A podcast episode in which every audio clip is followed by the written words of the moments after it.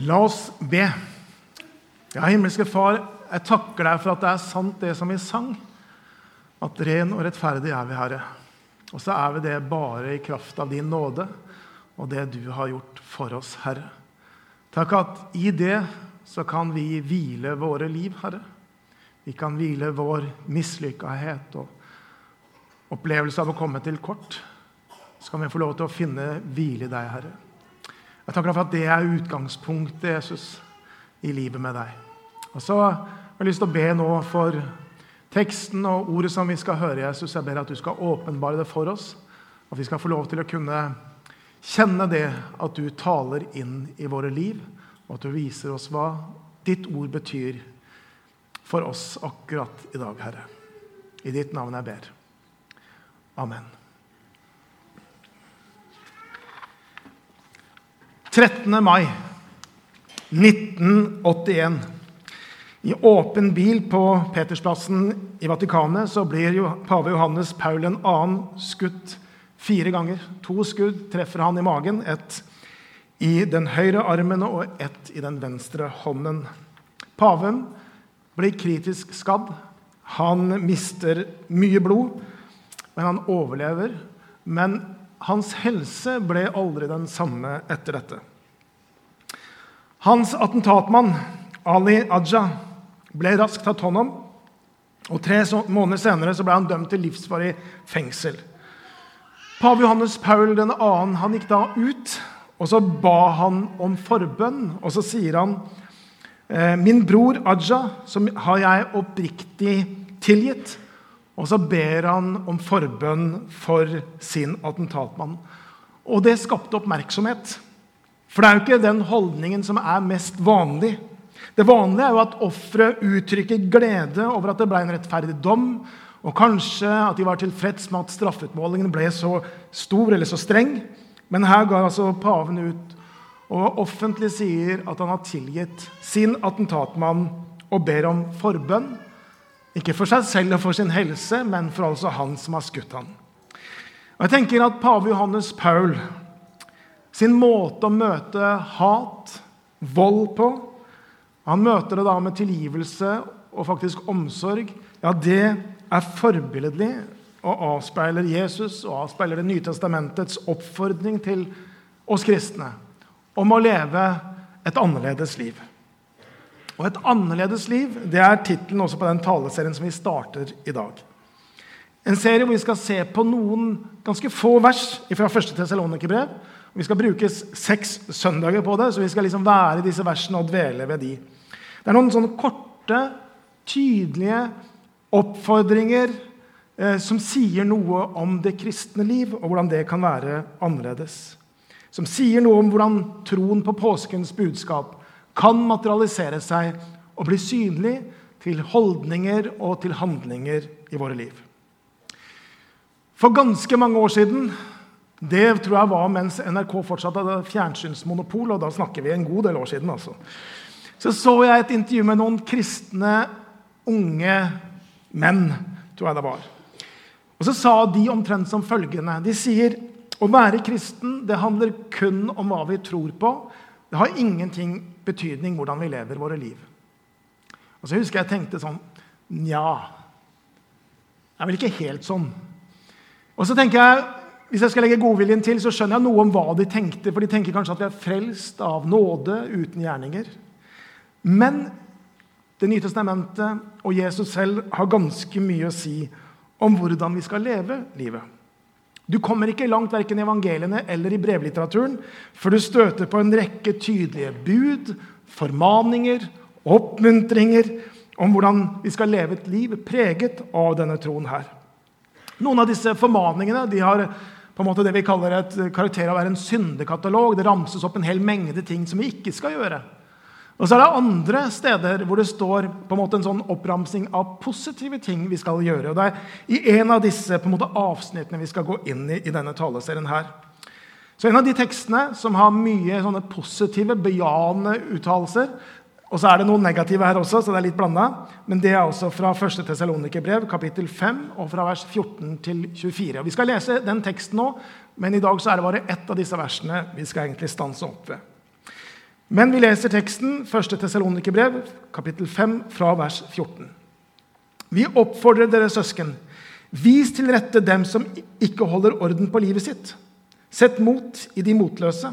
Ta dere av de svake, og vær overbærende mot alle. La ingen gjengjelde ondt med ondt, men strev alltid etter å være gode mot hverandre, ja, mot alle. Vær alltid glade. Be uavbrutt. Takk Gud under alle forhold, for dette er Guds vilje med dere i Kristus Jesus. Slukk ikke ånden, forakt ikke profetord, men prøv alt og hold fast på det gode. Men dere, eh, hold dere borte fra ondskap av alle slag. Må Han, fredens Gud, hellige dere helt gjennom. Må deres ånd, sjel og kropp bli bevart uskadd, så dere ikke kan klandres for noe når vår Herre Jesus Kristus kommer. Trofast er Han som kalte dere til dette. Han skal, han skal også fullføre det. Så her har vi rundt 14 sånne ganske tydelige anbefalinger, oppfordringer om hvordan leve det kristne liv. Og dette er et annerledes liv. Det er annerledes enn å følge de rent menneskelige impulsene. Det er annerledes enn kardemommeloven. Det er et liv hvor Gud får prege oss, og som det står, hellige oss. I vers 23 må Han, fredens Gud, hellige dere helt gjennom. Det er altså dette vi skal ta for oss de neste seks søndagene. Og I dag skal vi være i vers 15. Og bare repeterer det som står der. La ingen gjengjelde ondt med ondt, men strev alltid etter å være gode mot hverandre, ja, mot alle. Og Dagens tema er, ikke så overraskende kanskje, ta ikke igjen, vær god mot alle. Det første som dette verset altså oppfordrer oss til, det er å ikke ta igjen eller ikke gjengjelde ondt med ondt. Og Det er også mitt første punkt. Ta ikke igjen. Og det å avstå fra gjengjeldelse det å avstå fra liksom å skulle ta igjen hvis noen har gjort noe mot oss, det er å velge annerledes. For det naturlige i oss, det er vel ofte å ta igjen. Og Vi ser det hele tiden i alvorlige voldshendelser, men også i mer ordinære mellommenneskelige forhold. Det faller så naturlig nettopp å gjengjelde det onde med noe ondt. Om noen sårer oss, om noen tar noe fra oss, om noen gjør noe vondt mot oss, nesten sånn instinktivt, så tenker vi, eller det reiser seg i oss liksom sånn Å, jeg må få ta igjen. Om ikke vi gjør noe, så kjenner jeg, tror jeg, de fleste av oss noen ganger på den trangen. Og det å ta igjen at det er naturlig, det ser vi jo hos våre barn. Barna trenger ingen opplæring i gjengjeldelsens eldgamle kunst. Hvis du ser en treåring som lugger en annen, så er oddsen ganske lav for at eh, den andre tar igjen på den første. Og Som foreldre så kommer vi da springende til, for vi vet jo at det stopper aldri med det. Det stopper aldri med at den ene gjør noe, og den andre tar igjen. Ikke sant? Da er det i gang. Og så må jo den første ta igjen på den andre som tok igjen på den første, osv. Dere kjenner til det. Som voksne så har vi slutta å lugge. I hvert fall for det aller meste. Men jeg tror behovet for å ta igjen kan vi allikevel kjenne på. Om du føler deg urettferdig behandla, føler at noen har trykt deg ned, ja, så er det det der behovet der om å på en eller annen måte få den andre til å betale i hvert fall litt, eller lide litt. Er det ikke sånn? Nei? Og jeg tror det er sånn for de fleste av oss. Kanskje er det sånn at når den personen som har gjort noe vondt mot deg, ringer, ja, så gidder du ikke å ta den. Og Ikke fordi du ikke kan ta han, eller fordi du må sette grenser for deg sjøl, men nei, du vil at han eller hun skal svette litt. Så drøyer vi lenge med å sende en melding eller svare på den måten. På jobben kanskje kjenner man seg urettferdig behandla. Istedenfor å ta opp det på en saklig måte, ja, så kanskje man ønsker man å straffe liksom, arbeidsplassen litt med å jobbe langsomt, somle litt, av misforstå noen ting. og liksom bare tenke, i hvert fall få følelsen av å få tatt igjen noe på en eller annen måte. Eller i trafikken. Der er det jo noen av oss som bytter fullstendig personlighet. Og så kjører man fort eller sakte eller breier seg liksom, bare for å tatt igjen på den der Audien som plager oss og irriterer oss. Det er alltid en Audi. Dere skjønner hva jeg snakker om. Ikke det er ikke alltid vi gjør så mye med det, men vi kan kjenne det her inne. At det er et eller annet behov for å ta inn. Og jeg tror det der har vært sånn menneskehetens historie til alle tider og på alle steder. En liten sånn anekdote fra Koreakrigen på 50-tallet. En ung koreansk gutt han var tjener for noen amerikanske soldater som var utstasjonert. Og Disse guttene sånn i begynnelsen av 20-årene syntes det var veldig gøy å erte denne, denne koreanske tjeneren og være morsom på hans bekostning. De, ja, de tulla med han, de knøyt sammen skolissene hans. ikke sant? Når han var ute, så låste de døra så han ikke kom inn igjen. Du vet, sånne ting. Og så skjønte de jo at dette falt jo ikke så veldig god jord hos denne gutten. Og til slutt så var det ikke dårlig enn at de sa det til ham. altså, vet du, vi skjønner at, vi liksom, at, du, at, du, ikke tar humoren. Vi har lyst til å be om beklagelse og unnskyld. Kan du tilgi oss? Og Så sier denne koreanske gutten ja, det er helt greit. Og da skal jeg slutte å spytte i suppa også. For det er noe med denne her lysten til å ta igjen. Det finner sine veier. gjør det ikke det?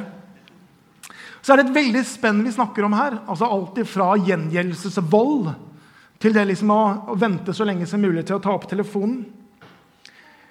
Men poenget er at det er noe av den samme dynamikken. Det der naturlige behov for hevn eller gjengjeldelse. Det er her Det nye testamentet er så radikalt og kaller oss til et annerledes liv.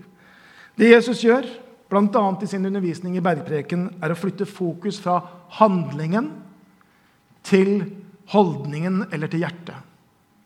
Og så sier Jesus at fra et dårlig tre, et dårlig hjerte, ja, så kommer det dårlig frukt. Derfor så ønsker Jesus å først og fremst gjøre noe med vårt hjerte, med våre holdninger. Og Det er derfor dette henger sammen. Når Paulus her i sitt første brev til menigheten til Saloniki sier 'la ingen gjengjelde ondt med ondt', ja, så er det et ekko av Jesu undervisning. Bl.a. hvor han i Matteus 5 og fra vers 38 sier 'Dere har hørt det er sagt, øye for øye og tann for tann', men jeg sier dere, sett dere ikke til motverge mot den som gjør ondt mot dere. Om noen slår deg på høyre kinn, så vend også det andre til. Vil noen saksøke deg og ta skjorten din, så la han få kappen også. Om noen tvinger deg til å, gå, til å følge med én mil, så gå to med han. Og I Det gamle testamentet så var det gjengjeldelsen som gjaldt. Det var øye for øye og tann for tann.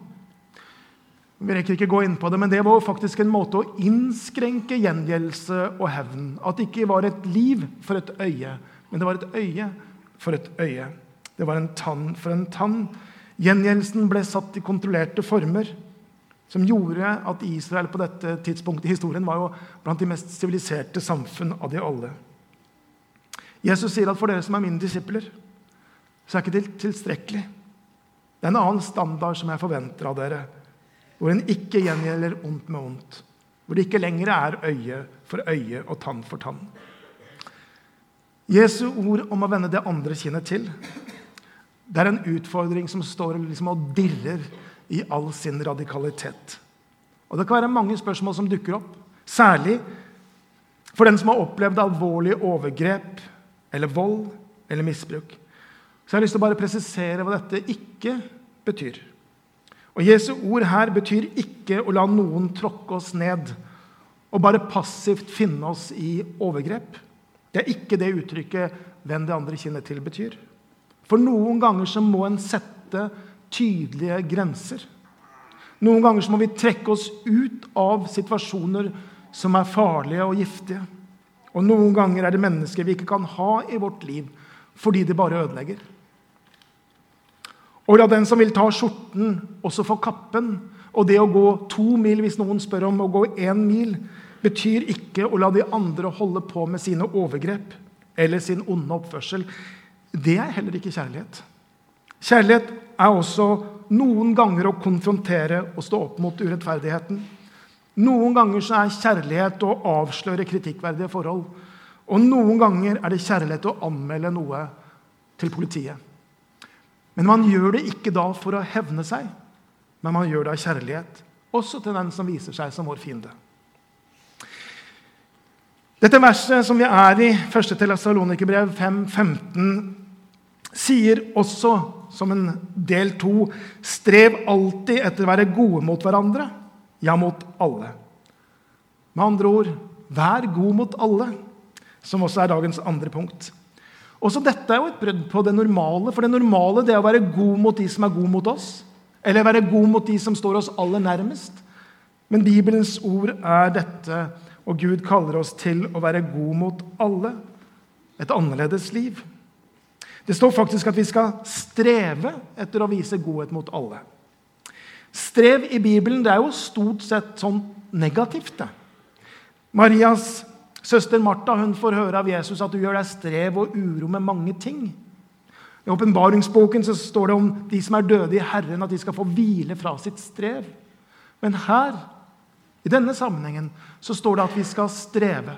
Og andre bibeloversettelser har 'jage' eller 'legge vind på'. Vi skal på en måte gå langt for å kunne vise godhet mot alle. Faktisk også mot de som volder oss urett.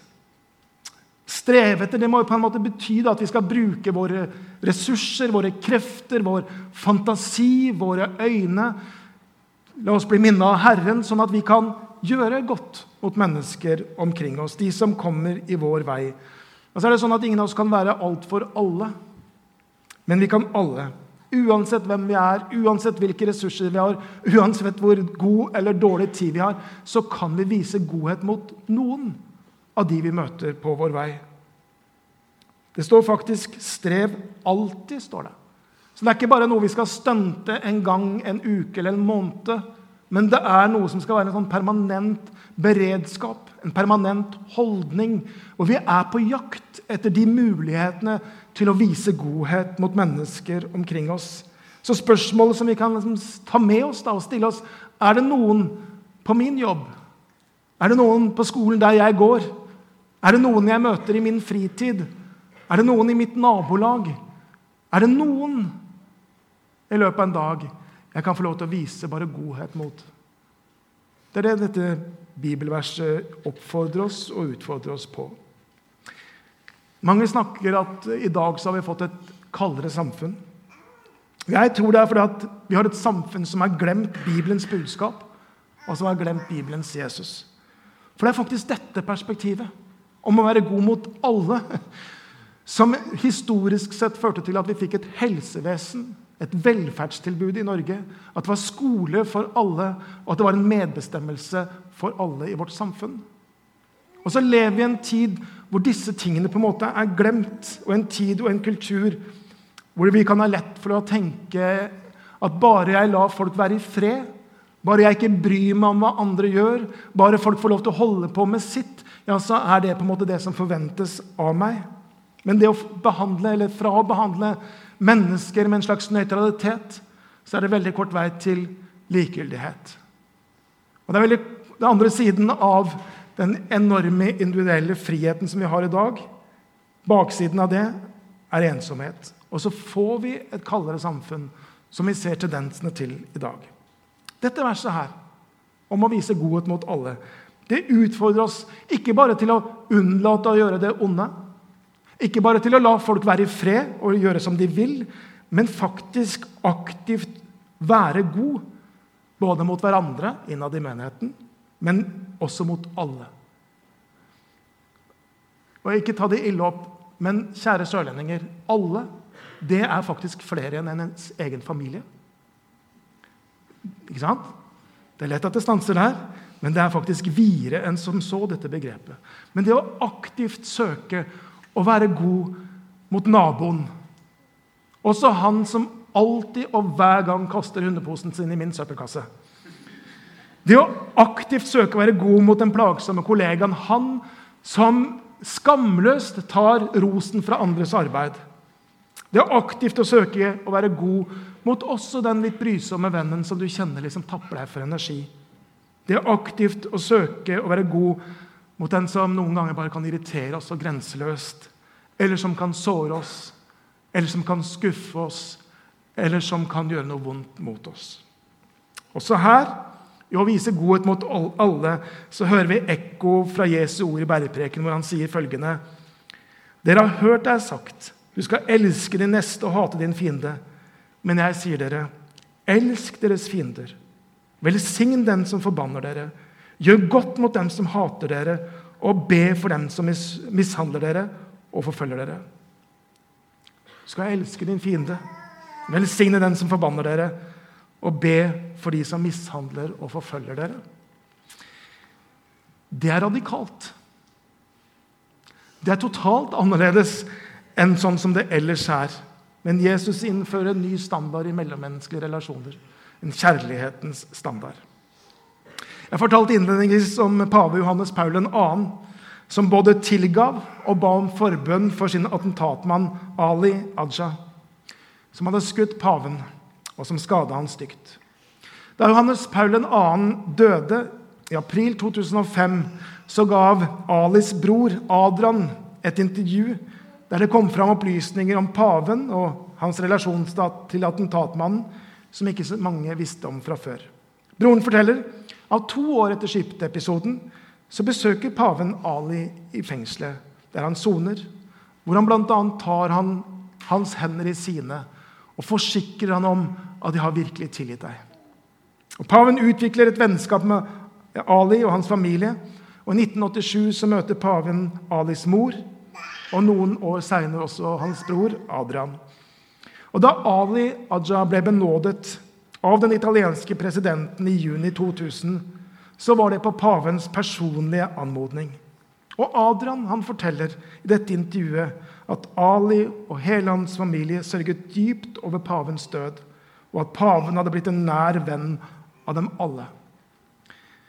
Så tenker jeg pave Johannes Paul han viser oss her nettopp noe av det Jesus snakker om. Om å elske sin fiende. Å være god også mot den som hater dere.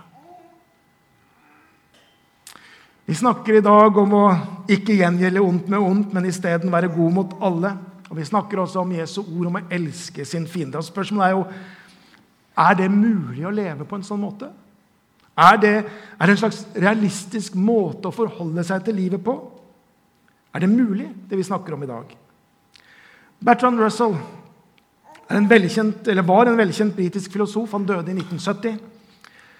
Han hadde hatt en lang og innflytelsesrik karriere.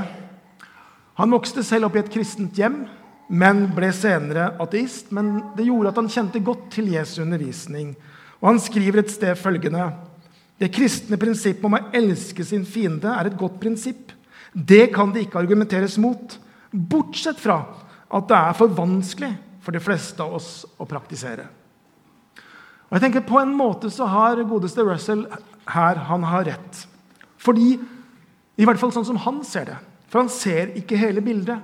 For det kristne budskap det er så mye mer enn bare en moralkodeks eller, en, eller leveregler som en skal liksom med viljekraft og selvdisiplin klare å holde.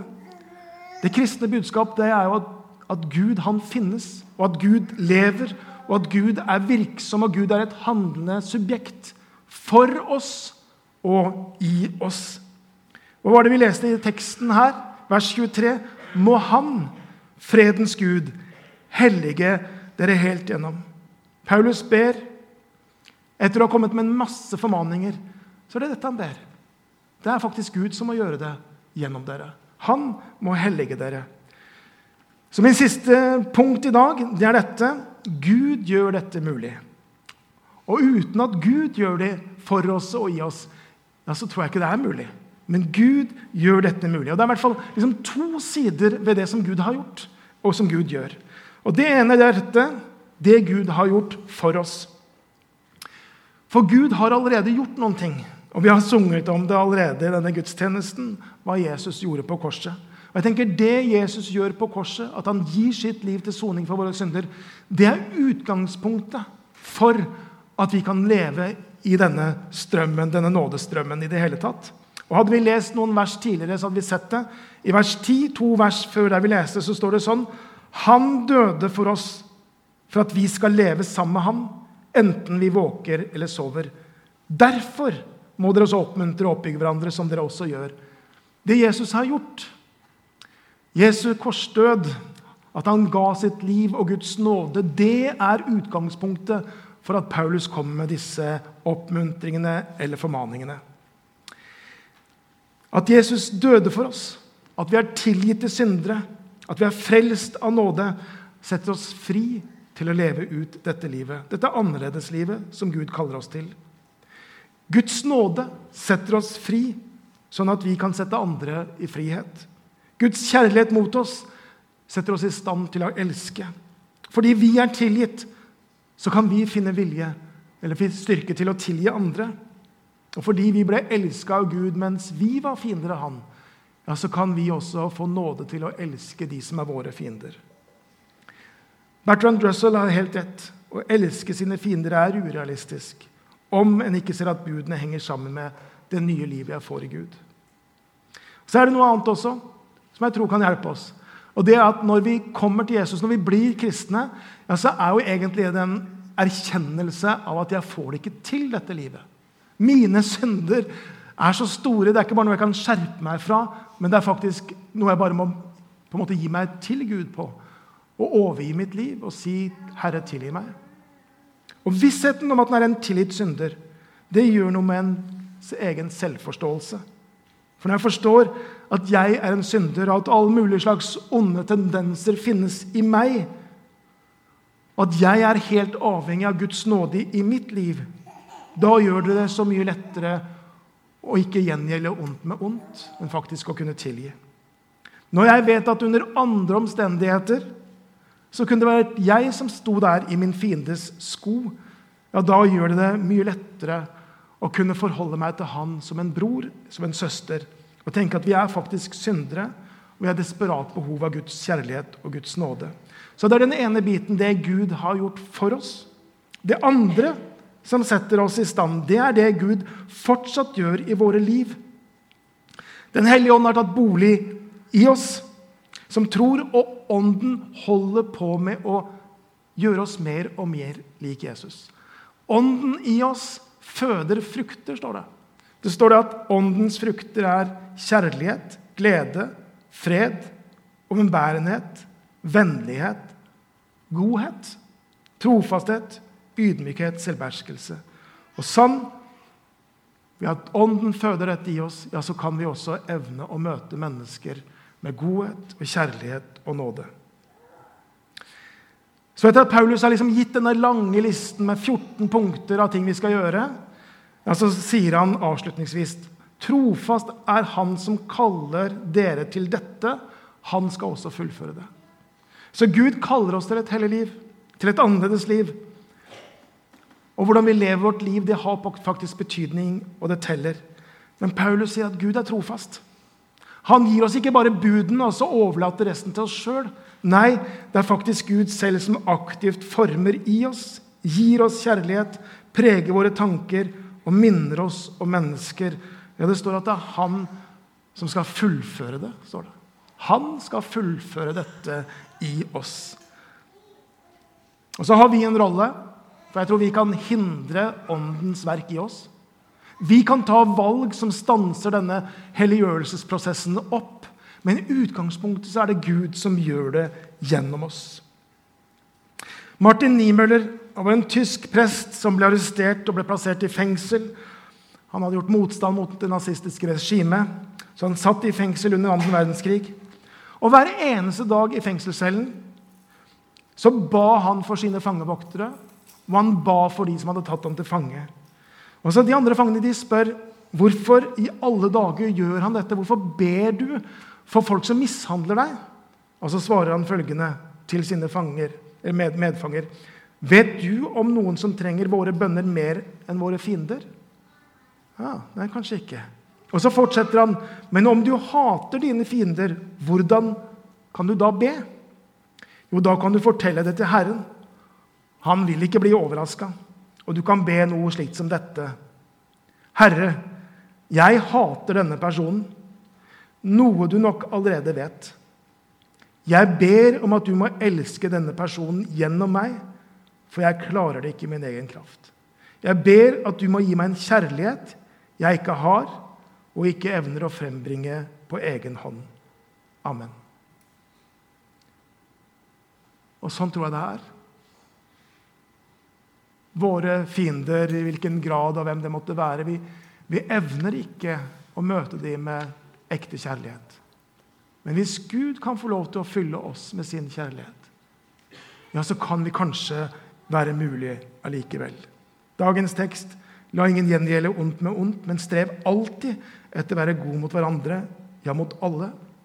Skal vi få til det, så handler det både at vi forstår hva Gud har gjort for oss, og at vi erfarer Hans verk i oss. At vi virkelig skjønner og tar innover hvor uendelig god Gud har vært mot oss. Hans kjærlighet, Hans nåde, Hans kraft. Og at vi kan gjøre en erfaring av det for når vi skjønner den godheten han møter oss med, ja, da kan vi ha en mulighet til at vi kan gi godhet også til andre. Skal vi be. Himmelske Far, jeg takker deg for ditt ord, takker deg for utfordringen som ligger her. Og så kjenner du oss som sitter her, og så kjenner du om det er noen ting som treffer på en spesiell måte. For det er utfordrende. Du ser om det er noen relasjoner hvor vi kanskje trenger å ha en annen approach i forhold til. Møte noen ting på en annen måte. Kanskje er det noen vi trenger å be om å få kjærlighet til. Noen som har vist seg som våre fiender på en eller annen måte. Og Herre Jesus, du ser også om, om dette med å vise godhet mot folk rundt oss. Eh, jeg ber Herre at du, må, at du må bruke oss, at du må bruke oss i denne menigheten her, Jesus til virkelig at din kjærlighet og din godhet kan nå så mye lenger ut, Herre. Jeg ber Herre at du må bruke oss til det. Må du minne oss på om det er noen på en særlig måte som, som jeg og som den enkelte i forsamlingen her skal møte med din godhet, din kjærlighet og din nåde, Herre.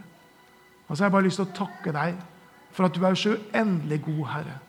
Og at, at du møter oss med godhet. Og at din godhet at den etterjager oss. Og du, det, det blir aldri slutt på din godhet, men du kommer igjen og igjen og igjen. Takk for det, Herre.